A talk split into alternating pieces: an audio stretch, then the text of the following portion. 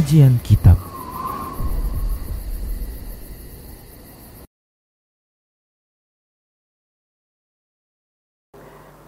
Assalamualaikum warahmatullahi wabarakatuh.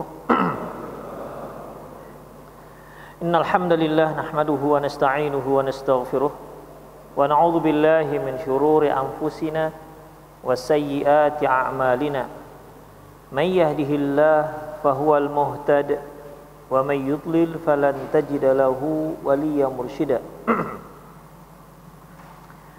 أشهد أن لا إله إلا الله وحده لا شريك له وأشهد أن محمدا عبده ورسوله الذي لا نبي بعده. وقال الله سبحانه وتعالى يا أيها الذين آمنوا اتقوا الله حق تقاته ولا تموتن إلا وأنتم مسلمون. وقال عز من قال يا أيها الذين آمنوا اتقوا الله وقولوا قولا سديدا. يصلح لكم أعمالكم ويغفر لكم ذنوبكم ومن يطع الله ورسوله فقد فاز فوزا عظيما. يا أيها الناس اتقوا ربكم الذي خلقكم من نفس واحدة وخلق منها زوجها وبث منهما رجالا كثيرا ونساء واتقوا الله الذي تساءلون به والأرحام إن الله كان عليكم رقيبا. أما بعد إن أصدق الحديث كتاب الله وخير الهدي هدي محمد صلى الله عليه وسلم وشر الأمور محدثاتها وكل محدثة بدعة وكل بدعة ضلالة وكل ضلالة في النار. Kaum muslimin dan kaum muslimat para pemirsa Rosat TV di mana pun anda berada dan jamaah Masjid At-Taubah Jalan Perona Medan yang mudah-mudahan senantiasa dijaga oleh Allah Subhanahu wa taala diberi kesehatan, dilindungi dari virus yang sekarang secara masif semakin uh, mudah penyebarannya. Semoga Allah Subhanahu wa taala mengangkat wabak dan bala dari kita semua. Ikhwah, uh, kajian lalu telah kita bahas terkait dengan tidak dibolehkannya eh, seorang muslim itu sholat satu malam dua kali witir ya tidak dibenarkan sholat malam dan satu malam dua kali witir sudah kita bahas eh, secara panjang lebar lanjutnya ikhwah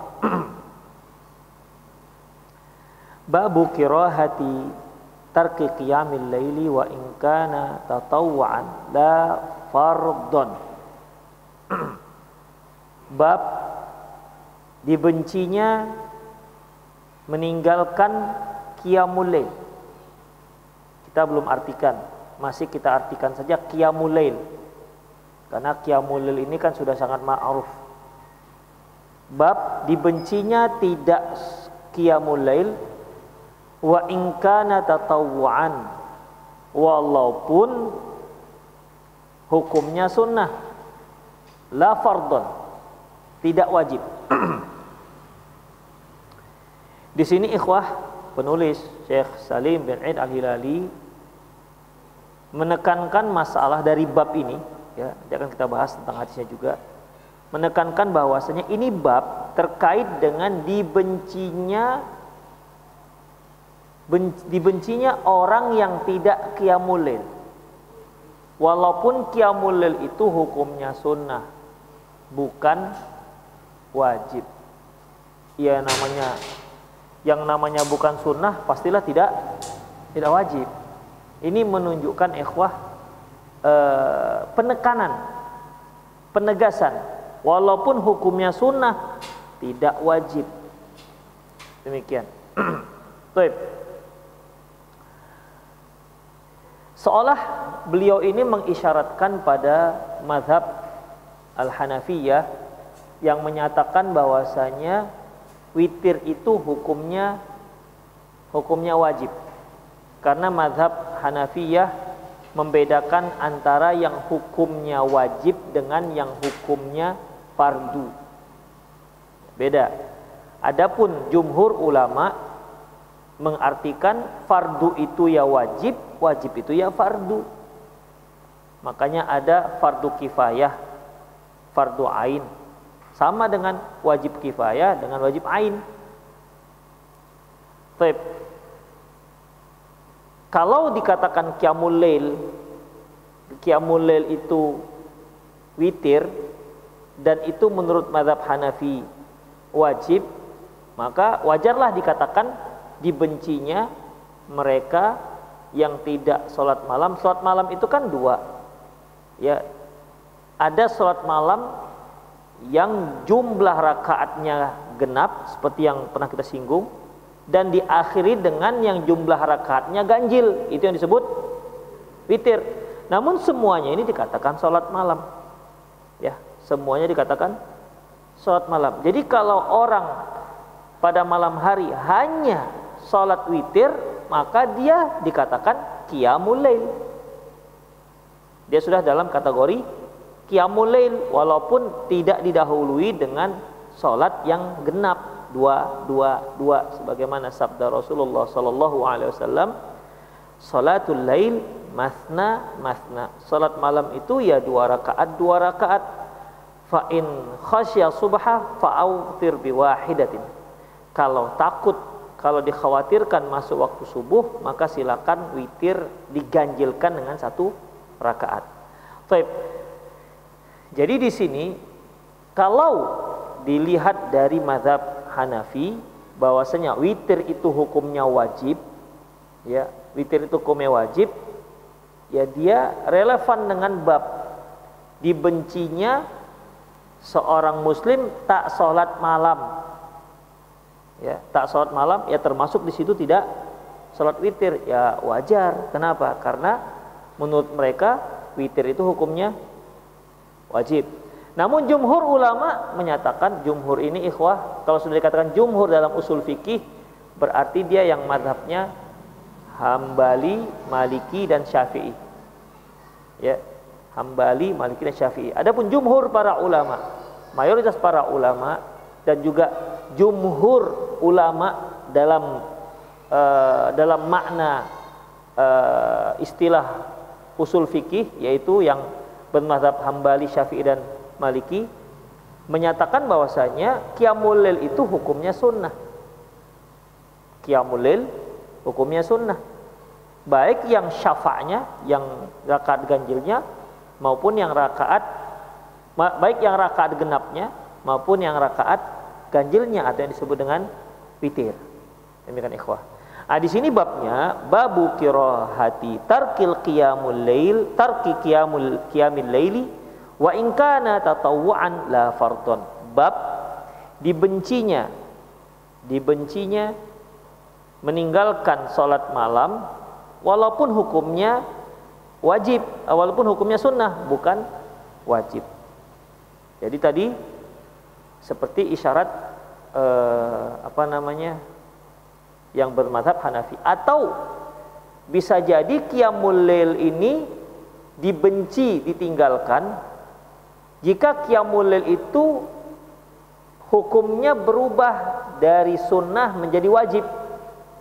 Apa contohnya? Kok bisa qiyamul dari sunnah menjadi wajib? Bisa. Hmm? Bisa nggak qiyamul yang hukumnya sunnah menjadi wajib? Hah? Bisa. Bisa. Ah, gimana kalau bisa? Hah? Nazar. Ya, nazar Seorang bernadar dia qiyamul lail tiga hari, maka dia menjadi wajib melaksanakan qiyamul lail tersebut. Qiyamul lail yang hukumnya sunnah berubah menjadi wajib.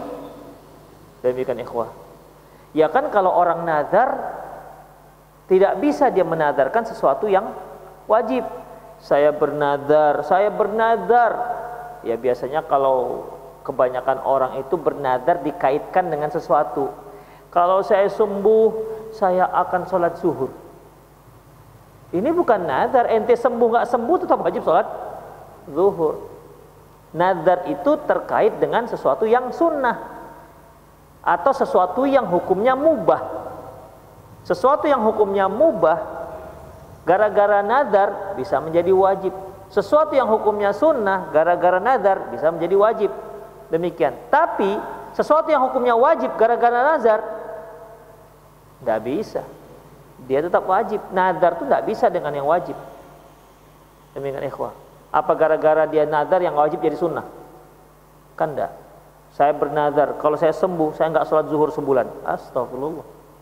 Itu bukan nazar. Barang siapa yang bernazar karena maksiat man nazara li, li, li, li maksiatillah fala ya'sih. Barang siapa yang bernazar untuk bermaksiat kepada Allah jangan dia durakai Allah artinya jangan dia laksanakan nazarnya. Baik, demikian ikhwah itu masalah bab ya. Baik baik yang kiamulilnya yang berhukum dengan hukum wajib seperti mazhab Hanafi atau yang dia nazar kiamulil itu yang menjadi wajib ya. Maupun kiamulil yang hukumnya sunnah ya. Yang hukumnya sunnah. Dua-duanya dibenci jika ditinggalkan. Baik. Dalilnya apa? An Abdullah bin Mas'ud radhiyallahu anhu. Dari Abdullah bin Mas'ud radhiyallahu anhu qala dia berkata Dzukira indan Nabi sallallahu alaihi wasallam rajulun qila. Faqila disebutkan seorang laki-laki di sisi Nabi sallallahu alaihi wasallam. Faqila ya dikatakan mazala iman laki-laki tersebut mazala iman dia masih molor tidur hatta asbaha sampai masuk waktu subuh. Maqama ila sholat dia tak juga berdiri melaksanakan sholat. Disebutkan kepada beliau seorang laki-laki yang molor satu malaman tidur sampai subuh. Faqala ya dia molor nggak sholat sampai subuh faqala maka Rasulullah mengomentari laki-laki tersebut balas syaitanu fi udunihi orang tersebut sudah dikencingi setan orang tersebut sudah dikencingi setan. Dalam riwayat yang lain fi udunaihi orang tersebut kedua telinga orang tersebut sudah dikencingi setan. Demikian ikhwah rahimani Allah wa iyyakum. Nah, sekarang permasalahannya yang dikatakan mereka yang so, yang tidur pada isya terus molor sampai subuh yang dikategorikan dikencingi setan dua telinganya apakah yang tidak sholat tahajud jamulil ataukah yang tidak sholat subuh? Ini dia. Di sinilah para ulama berbeda pendapat tentang masalah ini. Kita ulangi ya apakah yang dimaksud dengan dikencingi kedua dia tidur molor sampai subuh tak sholat sampai subuh Apakah yang dimaksudkan di sini dia tak sholat sampai subuh, tak sholat malam, atau tahajud, atau witir? Ataukah yang dimaksud yaitu molor sampai subuh, sampai tak sholat subuh, dikencingi setan dua telinganya. Nah, demikian ikhwah, rahimahnya Allahu wa iyyakum. Min fikhil bab. Kita baca dulu babnya, fikih babnya. Ini menurut pendapat Uh, tip, sebelum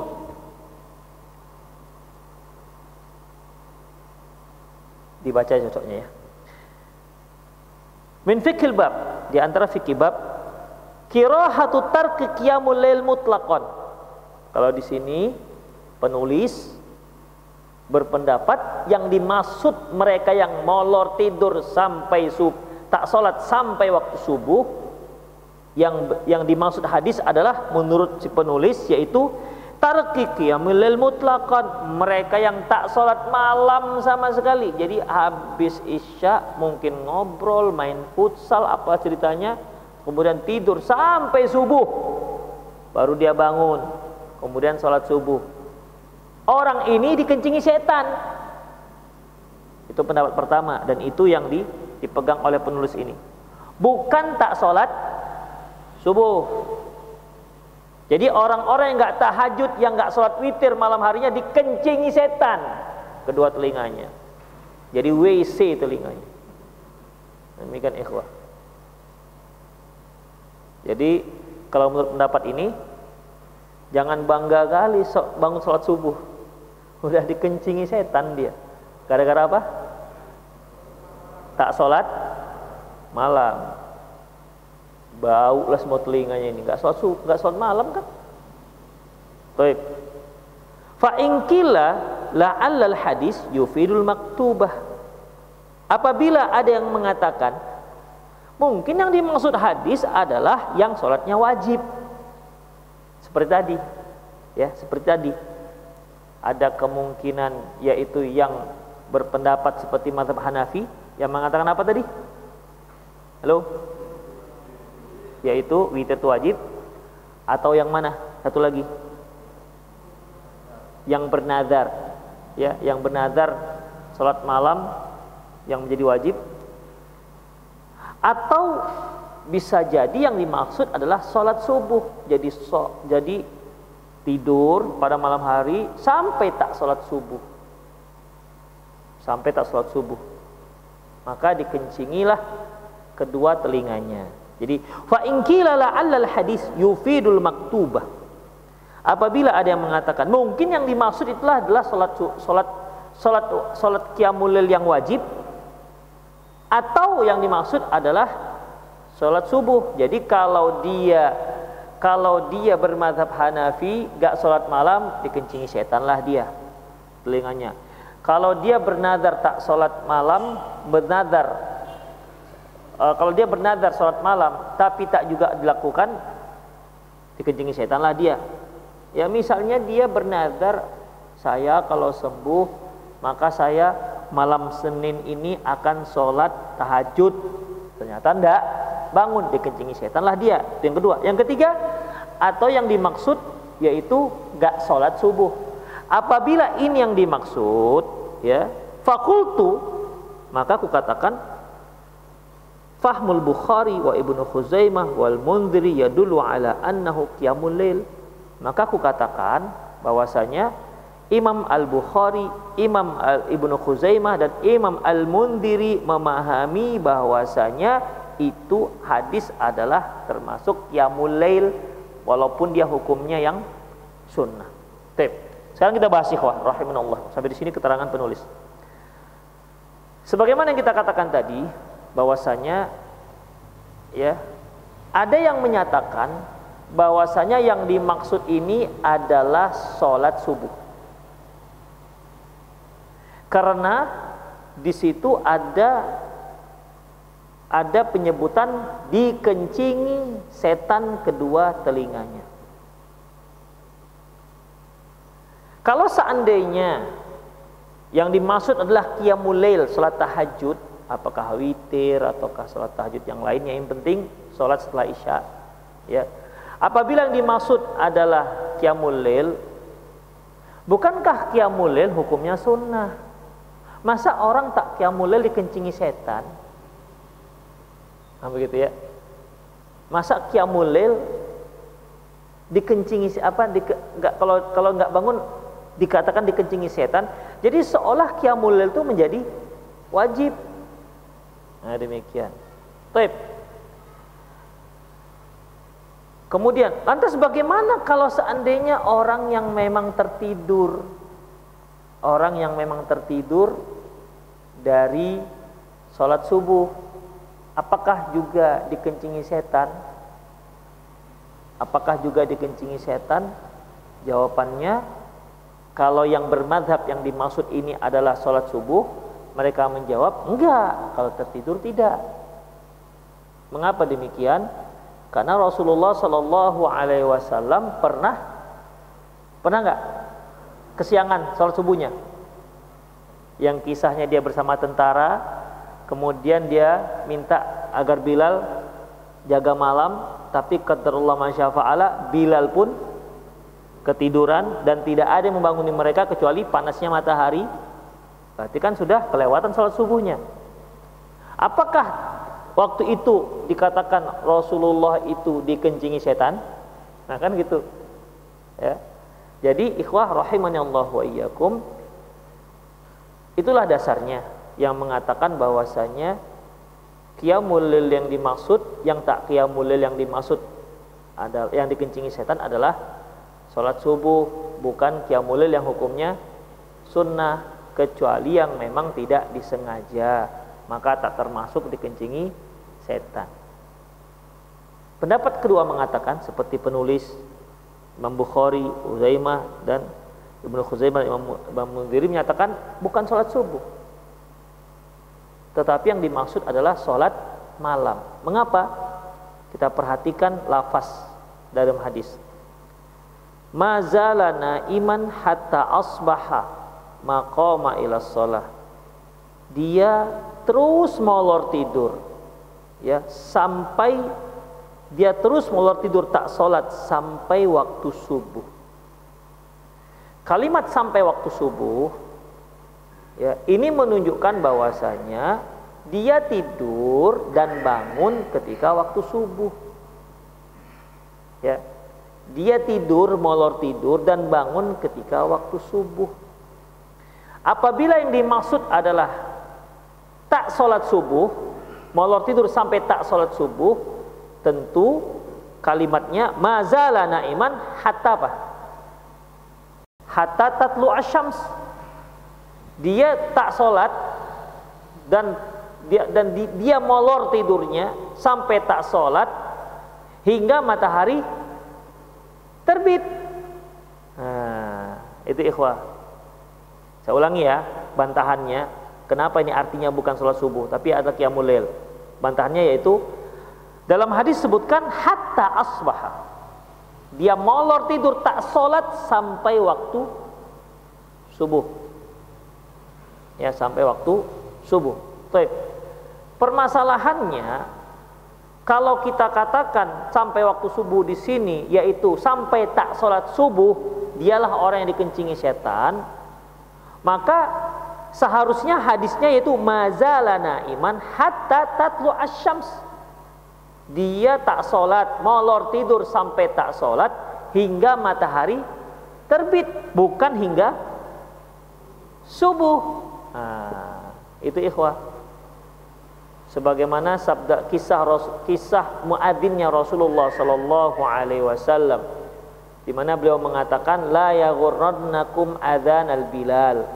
Jangan kalian terkecoh dengan adalnya Bilal fa innahu yu'adzinu karena Bilal itu adzannya pada malam hari ya adapun adzannya Abdullah bin Umi Maktum ibnu Umi Maktum la yu'adzinu hatta yuqalu asbahta asbahta dia tidak adzan sampai dikatakan pada dia asbahta asbahta sudah subuh sudah subuh jadi kalau Bilal adzannya adzan pertama dan itu masih waktu apa?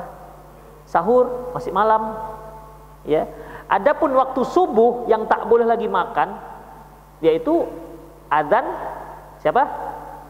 Abdullah bin Umi Maktum. Karena dia takkan adzan, dia kan buta, nggak nggak nggak nggak melihat fajar. Fa innahu la yu'adzinu hatta yuqalahu asbahta asbahta. Karena dia tidak akan adzan sampai dikatakan padanya sudah subuh, sudah subuh. Dari sinilah para ulama yang mengatakan bahwasanya maksud hadis itu adalah qiyamul yaitu karena hatta asbaha itu artinya hingga subuh. Di hadis yang lain menyatakan bahwasanya Abdullah bin Umi Maktum kalau dia adzan dikatakan asbahta asbahta sudah waktu subuh, sudah waktu subuh. Nah, demikian. Dari sini hadis ini menguatkan bahwasanya yang dimaksud bukan yang terlewat sholat subuh tapi yang terlewat sholat malam.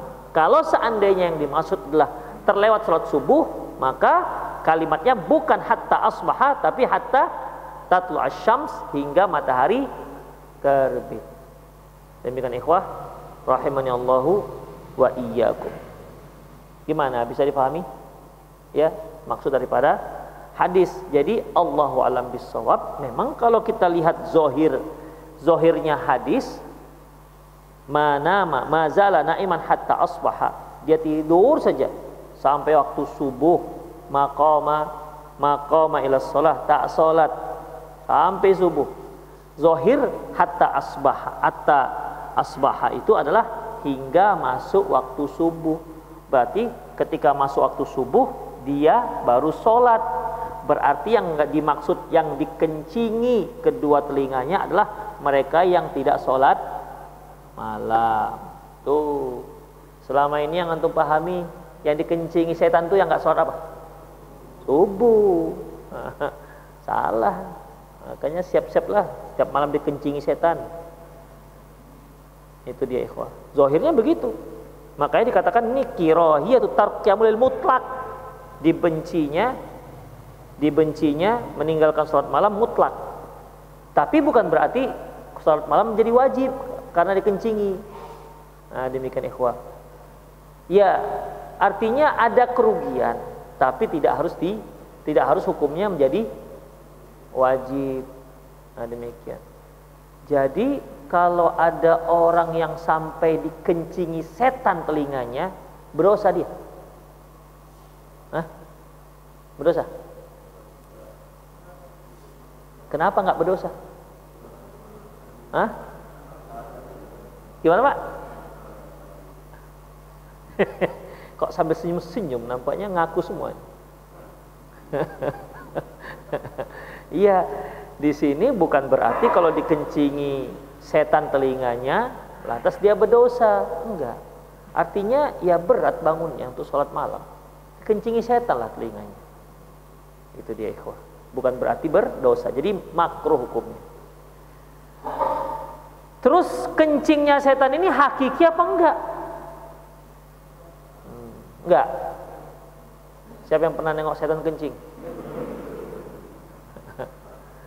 Ikhwah, ini masalah gaib. Kita tidak tahu bagaimana kencingnya setan. Ya kalau kencingnya setan, kalau kita tidurnya mereng gimana dengan kencing? Kan innama apa namanya? Bala syaitan fi udunihi.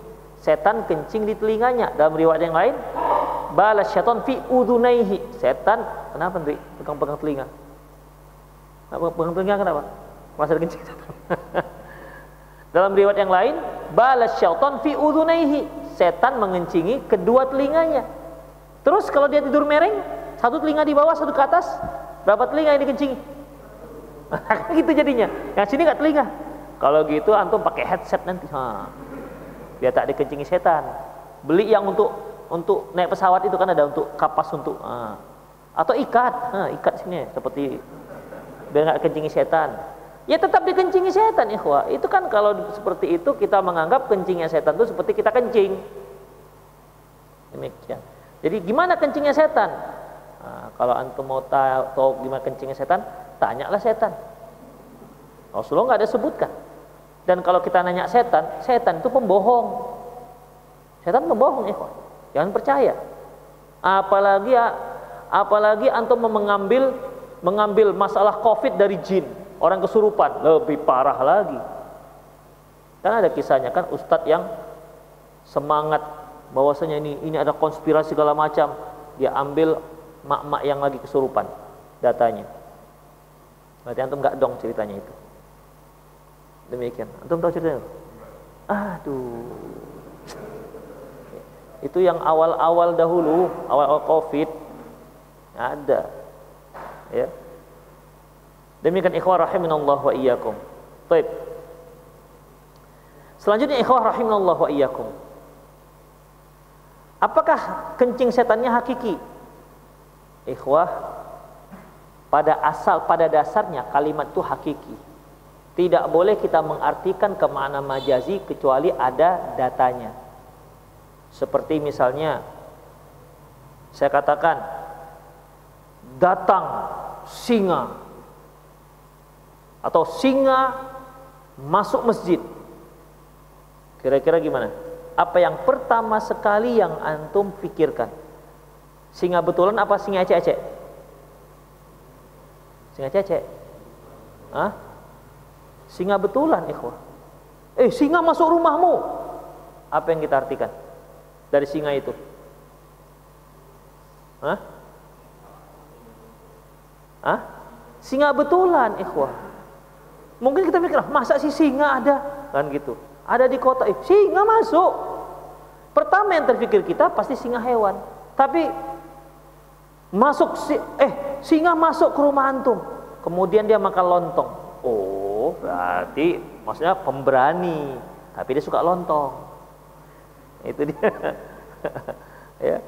Karena nggak ada singa makan lontong, ikhwah. Mana mau singa makan lontong? Manusia yang mau apa saja. Manusia opor boleh, lontong boleh, tempe bacem boleh, tahu boleh. Singa mana mau tahu? Ya, Tahu Sumedang pun dia nggak mau. Demikian. Manusia mau Sumedang, mau Medan, apalagi yang gratis. Masya Allah. Tambah gurih dia. Taib, ikhwan rahimanallah wa iyyakum. Tapi kalau apa namanya kita katakan ma masuk singa, lantas singa masuk masjid, lantas dia pun berkhutbah. Oh berarti singa yang dimaksud bukan singa betulan, tapi singa seorang pemberani. Nah, itu namanya singa. Dari mana kita tahu dia adalah bukan hewan? Karena kemudian di karena ada kalimat kemudian dia berkhutbah. Mana mungkin singa betulan berkhutbah? Kemudian dia berkhutbah itulah dalil yang menyatakan bahwasanya yang dimaksud dengan singa itu bukan singa ya, singa betulan. Itu namanya dalil. Tidak boleh kita mengartikan satu kalimat kemajas hingga ada dalilnya. Ya, hingga ada dalilnya. Demikian ikhwah rahimani Allah wa iyyakum. Apalagi contohnya ya yang banyak pakai ungkapan-ungkapan. Ya itulah udah cukuplah satu. Atau masuk ini. Ya. Kita tidak boleh mengartikan kencingnya setan itu majazi, nggak boleh. Kenapa? Karena harus ada data. Kenapa kita katakan itu majazi bukan hakiki? Nah, demikian ikhwah. Jadi kita harus artikan ini di sini adalah ini memang benar-benar setan itu kencing. Memang benar-benar setan itu kencing. Terus Ustaz, bagaimana kencingnya? Tanya sendirilah, maksudnya tanya saya. Ya, karena kaifiat itu ikhwah, kaifiat kita nggak tahu. Kaifiat nggak tahu. Sampai memang kita mengetahui ada info melihat langsung pengalaman barulah kita bisa mengkaifiatkannya. Demikian ikhwah, azallahu wa iyyakum. Selanjutnya, yang model-model macam kencingnya setan dan perbuatan setan itu banyak dalam hadis. Contohnya, uh, asbighil wudu kata Rasulullah. Sempurnakanlah wudu kalian. Afwan. Rasulullah bersabda, "Idza staiqadha ahadukum falyastantir." Apabila salah seorang kalian bangun maka hendaklah dia masukkan air ke dalam hidungnya. Kenapa? Fa inna syaitan yabitu fi khayashimihim. Karena setan itu bermalam di rongga hidungnya. Nah, karena setan itu bermalam di rongga hidung. Jadi pada malam hari setan itu nginep di hidung kita.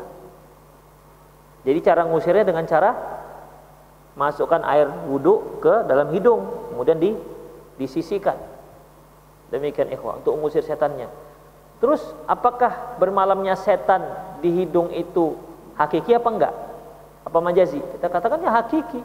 Ya Rasulullah katakan ya bermalam di hidung ya sudah itu aja. Terus mau kita artikan apa? Bermalam di hidung. Apakah bisa kita artikan karena kita itu malas malas itu dari setan? Tidak bisa ikhwah bermalamnya setan di hidung tidak bisa diartikan dengan malas. Bermalamnya setan ya bermalamnya setan. Antara bermalam setan dengan malas-malas itu jauh sekali, ya. Jauh sekali apa namanya makna lafaznya. Maka kita katakan hakiki. Itu dia. Apakah lantas berdosa kalau setan nginap di hidung? Bermalam di hidung? Kan enggak. Nah, demikian ikhwah rahimani Allahu wa iyyakum. Jadi uh, oleh karena itu harus diusir dengan cara memasukkan air ke dalam hidung ketika berwudu. Itu ikhwah. Ada ah, demikian juga seperti ini. Jadi setan itu mengencingi kedua telinga orang yang tak sholat malam. Itu dia. Bukan yang tak sholat subuh. Mungkin selama ini kita memahami nggak sholat subuh sampai apa? Nggak dengar azan. Ya kan gitu ya? Masjid berada di samping rumahnya tapi tak dengar azan sampai molor. Nggak sholat subuh hingga matahari terbit. Berarti dia sedang dikencingi setan. Ternyata tak seperti itu. Ya. Kalau orang yang tak kiamulil dikencingi setan padahal kiamulil itu hukumnya sunnah Gimana dengan orang yang tak sholat subuh? Dia apa setan? Apa dia oin setan? begitu. Saya nggak bilang begitu karena nggak ada dalilnya. Ya, jangan nuduh setan dong. Ya, walaupun setan itu musuh kita, tapi jangan sembarangan nuduh. Sekarang ini kan sering setan jin dituduh. Kenapa? Ustadz, saya sudah usia 35 belum belum dapat jodoh. Bisa dirukiah setan. Bisa, dirukiah saya Ustadz. Berarti kan nuduh setan dia. Setan yang membuat dia nggak laku. Ada lagi yang jual tanah tak laku-laku, Ustadz. Bisa dirukiah itu tanah tuh. Kan nuduh setan lagi dia. Bahwasanya gara-gara gara jin nggak laku tanahnya. Makanya kok kasihan sekarang jin. Asik kena tuduh aja. Demikian ya. Jadi jangan jangan sembarangan dikit-dikit dirukiah dikit-dikit rukiah demikian ikhwah. Sampai kena covid juga dirukiah Taib ikhwah rahimahullah itulah terkait dengan masalah uh, mereka yang tak sholat qiyamul ya hingga subuh baru dia bangun itu adalah mereka yang dikencingi setan kedua telinganya. Demikian Syekh Bimbas pernah ditanya ikhwah, Syekh bagaimana kalau dia sudah niat untuk sholat malam tapi tak terbangun? Apakah juga dikencingi setan? Nah itu dia. Gimana menurut antum kira-kira? Sudah niat kuat, jam beker tiga, satu di telinga kiri, telinga kanan. Tapi nggak kedengaran. Tetap bangunnya subuh. Apakah juga dikencingi setan? Itu pertanyaan Syekh Bimbas. Artinya dia sudah azam, bukan yang jam beker tambahan saya. Ya. Ditanyakan Syekh Bimbas, dia sudah berazam ke, mau sholat sholat malam tapi tak terbangun. Apakah juga dia dikencingi syaitan? Jawab Syekh Bimbas, zohirnya iya. Kata beliau, zohirnya iya. Karena dia tidur sampai subuh. Demikian ikhwah. Berarti memang seringlah kita dikencingi setan. Demikian ikhwah. Kemudian ada lagi yang mengatakan untuk tolabul ilmi Salat malam itu wajib. Untuk tolabul ilmi Salat malam itu wajib. Makanya Imam Ahmad mengatakan Aib sekali tolabul ilmi nggak salat malam nggak salat witir minimal. Aib. Mungkin ada yang merasa Alhamdulillah hawa bukan tolabul ilmi Hanya ikut-ikut ngaji ikut ngaji demikian ikhwan rahimanallah wa iyyakum ya. Jadi takwilnya ya untuk para tolabul ilmi iya berarti kencingi setan dia. Tapi kalau nggak tolabul ilmi nggak dikencingi setan. Jadi ikhwah uzurnya itu apa namanya hadis ini untuk semua. Ya hadis ini untuk semua. Allahu alam bisawab Makanya Imam Bukhari menyebutkan hadis ini dalam kitabnya bab sifatus syaitan wa junu wa junudi. Bab sifat setan dan tentara-tentaranya. Jadi Allah alam bisawab bahwasanya yang dimaksud yang dikencingi setan mereka yang tidak sholat malam. Berarti malam ini antum sudah mulailah sholat malam. Minimal ya tiga rakaat gitu ya. Paling tidak ya satu rakaat lah sebelum sebelum adzan. Sebelum adzan bangun agak-agak lima menit ya, sholat satu rakaat begitu. Tapi ada sholat malamnya ya. Berikutnya ikhwah babu mayukrahu min, min tarki qiyamul liman i'tadah bab dimakruhkannya tak sholat malam bagi yang sudah biasa sholat malam Berarti yang nggak biasa sholat malam nggak apa-apa gitu. An Abdullah bin Amr radhiyallahu anhu, an Abdullah bin Amr bin As radhiyallahu anhu qala dia berkata, qala li Rasulullah. berkata kepada Rasulullah, "Ya Abdullah, la takun misla fulanin." Ya Abdullah, kamu janganlah seperti si fulan. Kenapa rupa si fulan? Kana yakumul laili fataraka qiyamul lail. Tadinya dia sholat malam, terus tak sholat lagi. Nah, macam kita sekarang lah. Tadinya sholat terawih, tak sholat lagi. Sejak satu syawal sampai sudah 10 Zul Zul Qodah, udah mau masuk Zul Hijjah, belum pernah sholat malam lagi. Macam di talak tiganya sholat malam. Padahal ketika Ramadan, Masya Allah 11 rakaat 10 terakhir Ikut ikut apa namanya Ikut sholat malam apa di tanggal ganjil-ganjil di PSA Masya Allah kan Begitu masuk satu syawal Tak sholat-sholat lagi. Tutup buku di sholat malam. Sampai sekarang. Nah ini kan berarti ada masalah ini. Kita lihat dulu fikil bab. Hadis ini diriwayatkan oleh Imam Bukhari dan Imam Muslim. Min fikhil bab di antara fikih bab. Qala al hafiz fil fathil bari. Berkata imam hafiz hafiz uh, ibnu hajar dalam fathul bari wa yastanbitu minhu kirahiyat kirahatun kirahatu kirahatu qat'il ibadah fa illam yakun wajibah yaitu dibencinya dibencinya menghentikan ibadah walaupun ibadah tersebut tidak wajib. Nah, inilah nasib kita banyaknya yang setelah Ramadan. Ini dia. Nasib kita yang paling banyak ini nasib kita setelah Ramadan. Ketika Ramadan dia puasa. Begitu masuk satu Syawal sampai sekarang tak pernah puasa-puasa lagi. Padahal syariat kita itu tidak pernah menghentikan kita dari puasa. Habis puasa Ramadan ada puasa Syawal, ada puasa Senin Kamis, ada puasa Daud, ada puasa uh, bid pilihlah salah satu ya pilih salah satu nanti bentar lagi ada puasa puasa Arafah atau puasa di tanggal 10 di awal bulan Dzulhijjah itu kan kata Rasulullah sesungguhnya ma min amalin salih ahabbu ilallahi wa 'azamu indahu min min asyaral Zulhijjah tidak ada satu amalan soleh yang paling disukai oleh Allah yang paling agung di sisi Allah kecuali amalan soleh yang dilakukan di 10 hari di awal bulan Dzulhijjah. Para sahabat mengatakan walal jihad. Ya Rasulullah, apakah lebih hebat dibandingkan jihad? Walal jihad bahkan lebih hebat ketimbang jihad. Illa rajulun illa rajulun uh, kecuali seorang yang pergi dengan membawa dirinya dan hartanya walam yarji minhu syai' dan dia tidak pulang dengan bawa apa pun.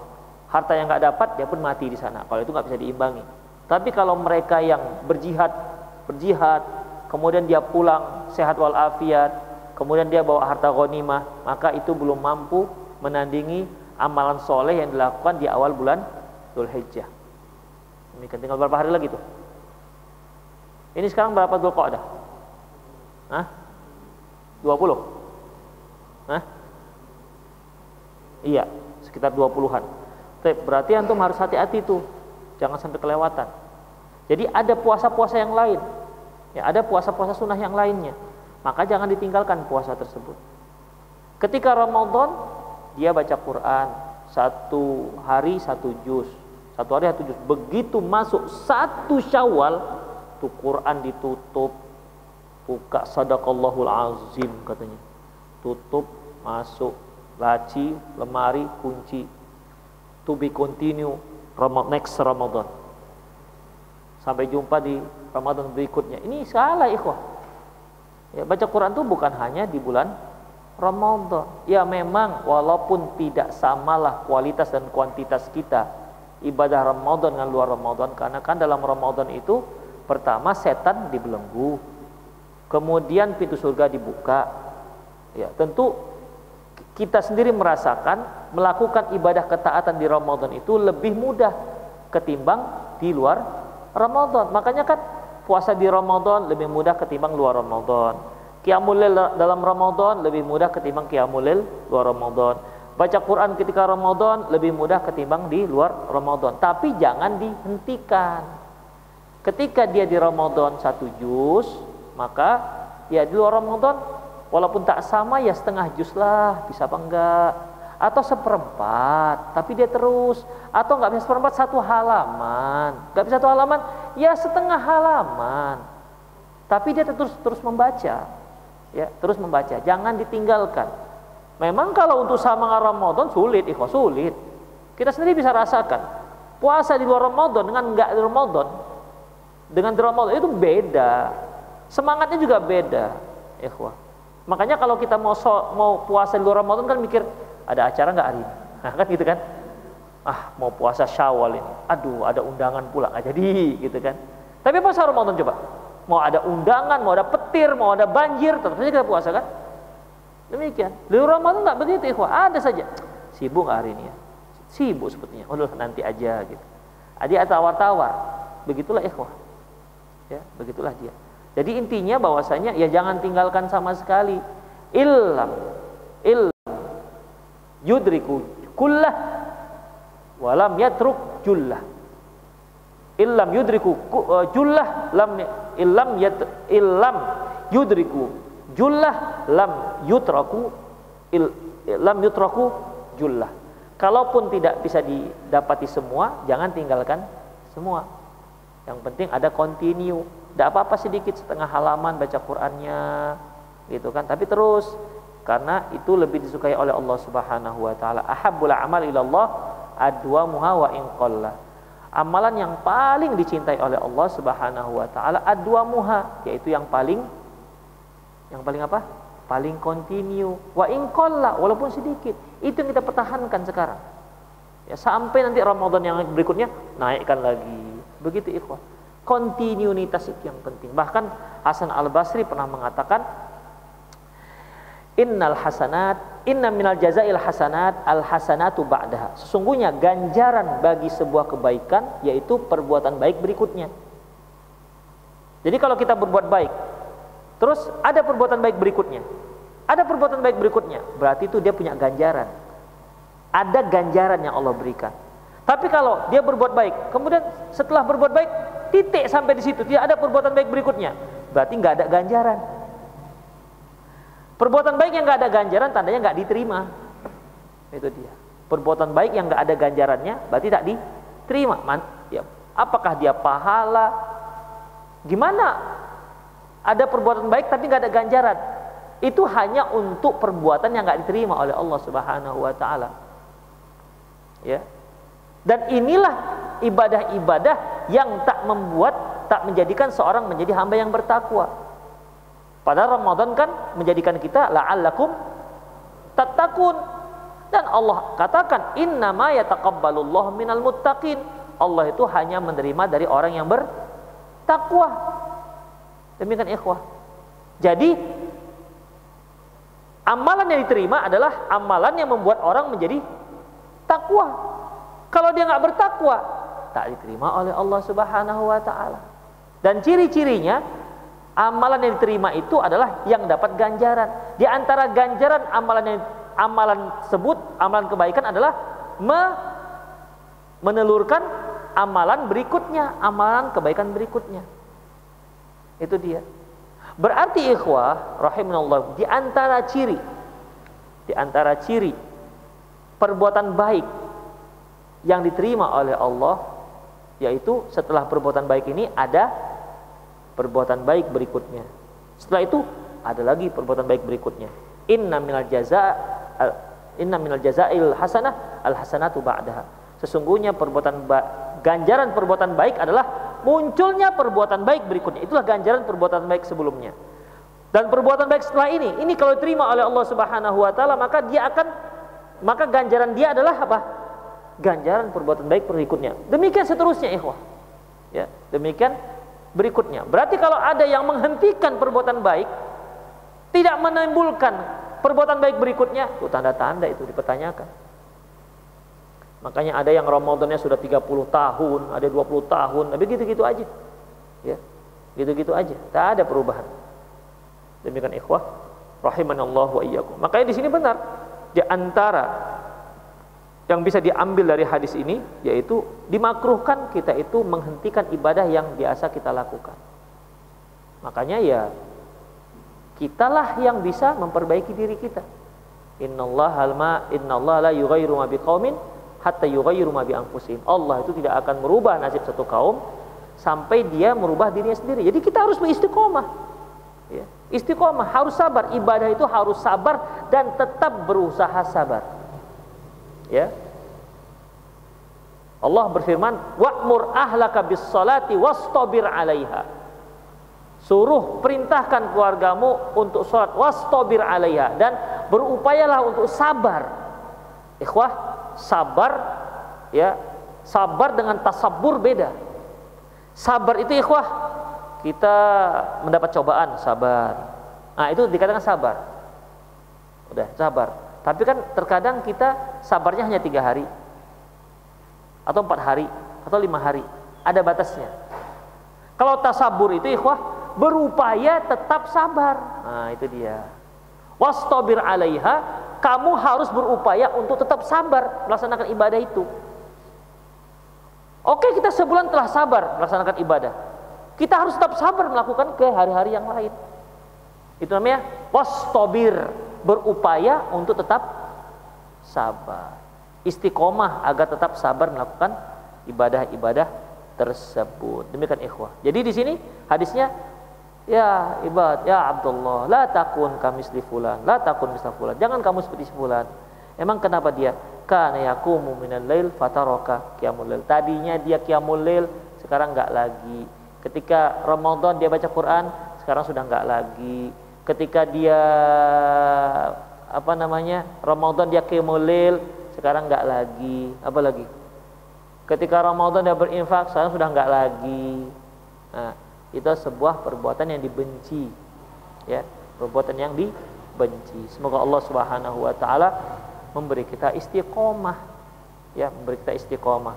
Satu hal lain ikhwah yang dikatakan oleh Hasan Al Basri wa inna min uqubati sayyi'ah as-sayyi'atu ba'daha di antara hukuman orang yang berbuat buruk adalah adanya perbuatan buruk berikutnya.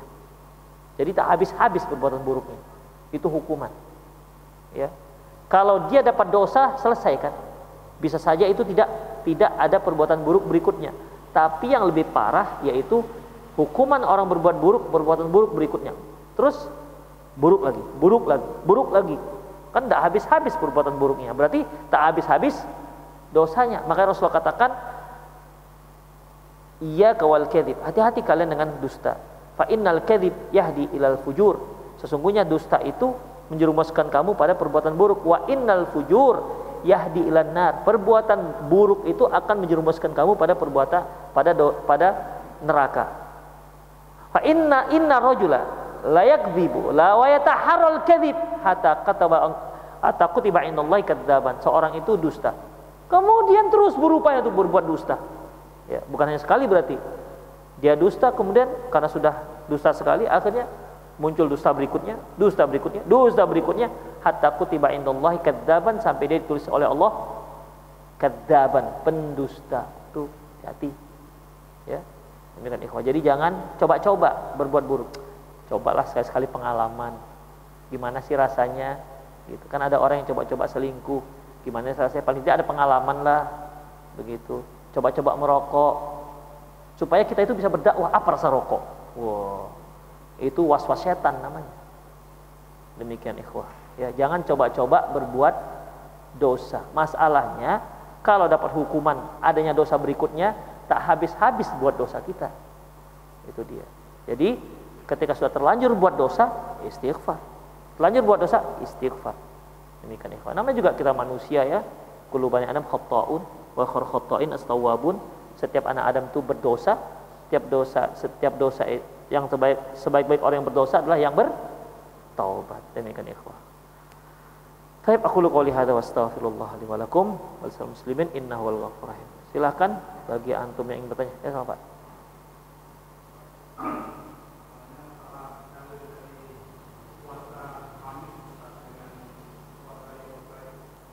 Ayo bait, bait, bait. Ah. Ah. Gimana? Bid'ah.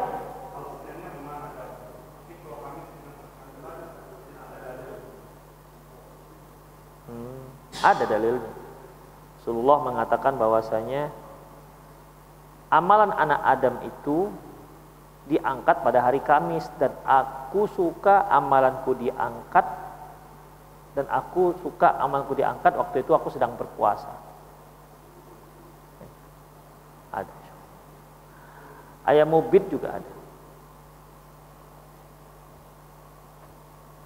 Ada lagi? Ya mungkin dia mendoifkan hadis itu.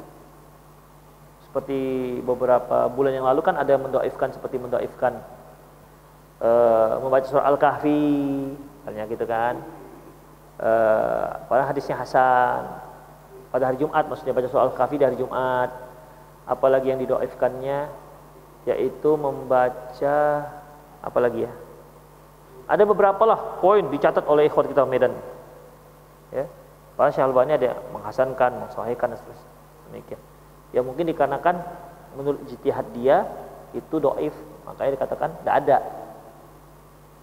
itu Allah alam yang lain silakan ada yang bertanya silakan para pemirsa yang ingin bertanya langsung juga boleh silakan uh, telepon nomor yang sudah ada di tertera di pesawat televisi Anda atau juga Anda boleh mengirimkan pesan WhatsApp melalui nomor yang sudah tertera di pesawat televisi Anda. Taib ada dari jamaah yang hadir? Ya.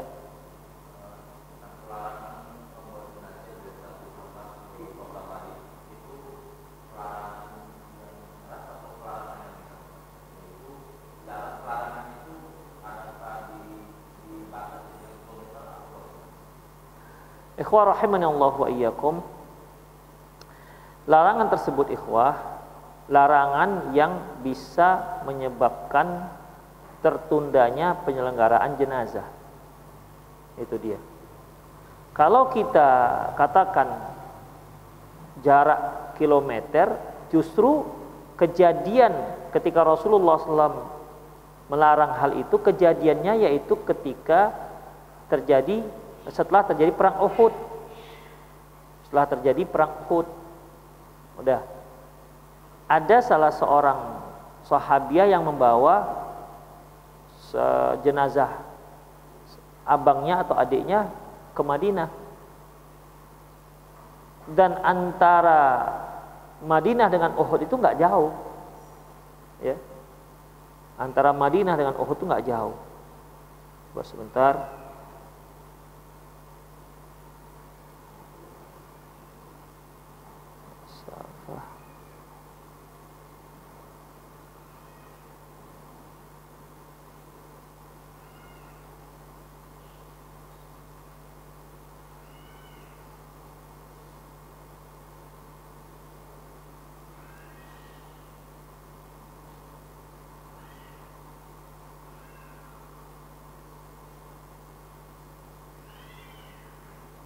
Nah, di sini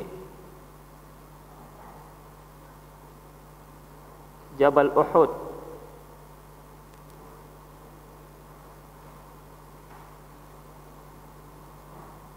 jaraknya 3 mil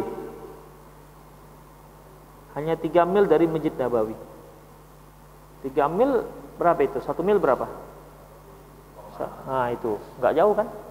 Berarti dari sini Marendal Mungkin lebih jauh dari sini Marenda lagi kan. Apalagi di Litua. Demikian ikhwah. Jadi kalau kalau jaraknya Allah alam bisawab yang di situ yang dimaksud yaitu eh, apa namanya Allah alam tertundanya penyelenggaraan jenazah dikarenakan dikarenakan eh, apa namanya dikarenakan eh, perpindahan perpindahan si jenazah ke ke tempat yang lain. Demikian. Namun Allah alam bisawab kalau seandainya tidak sampai seperti itu ya nggak apa-apa. Misalnya dia masih masih sekitar kota Medan begitu tidak tertunda.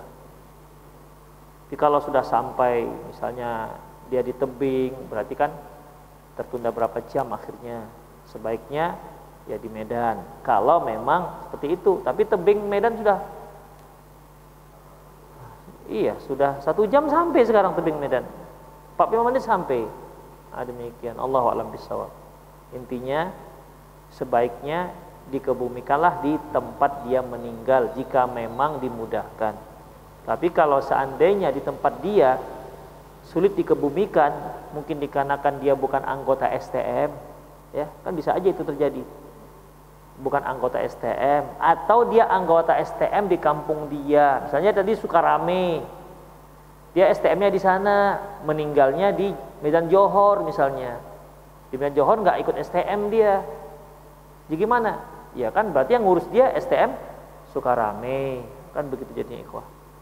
Ya, jadi kalau memang dimudahkan, memang dia tempat dia pindah, tempat dia pindah. Kadang-kadang kan ada orang itu ya memang dia penduduk aslinya di di Johor misalnya, tapi dia akhirnya pindah ke tempat lain. Nah, demikian. Karena sudah sudah menikah, pindah ke tempat lain sementara dia belum mandah dari tempatnya ke tempat yang baru dia pindah. Kan bisa saja mungkin terjadi ikhwah. Ya kalau dia memudahkan di situ tempat dia pindah terakhir di mungkin untuk diselenggarakan cepat ya silahkan. Tapi kalau banyak sekali birokrasinya harus ini harus bayar ini harus bayar itu maka ya kembalikan saja di tempat yang mudah untuk diselenggarakan. Demikian ikhwan. Nah, memang nggak nggak semua tempat mudah. Ya. Kalau dia nggak anggota STM bisa. Di satu tempat itu diminta dulu. Nah, bapak nggak anggota STM, ini harus bayar sekian, harus bayar sekian, harus bayar sekian, bisa seperti itu ikhwan ya bisa harus bayar jutaan. Karena dia dianggap nggak anggota STM ya kan nggak semua orang punya duit seperti itu. Sementara tempatnya sudah terdaftar sebagai anggota STM demikian. Jadi intinya Allah alam bisawab kalau memang tempat dia meninggal itu mudah diselenggarakan ya selenggarakan. Tapi kalau memang ada kesulitan birokrasi ini segala macam di mana tempat dia mudah? Yang penting segera di dikebumikan. Allah alam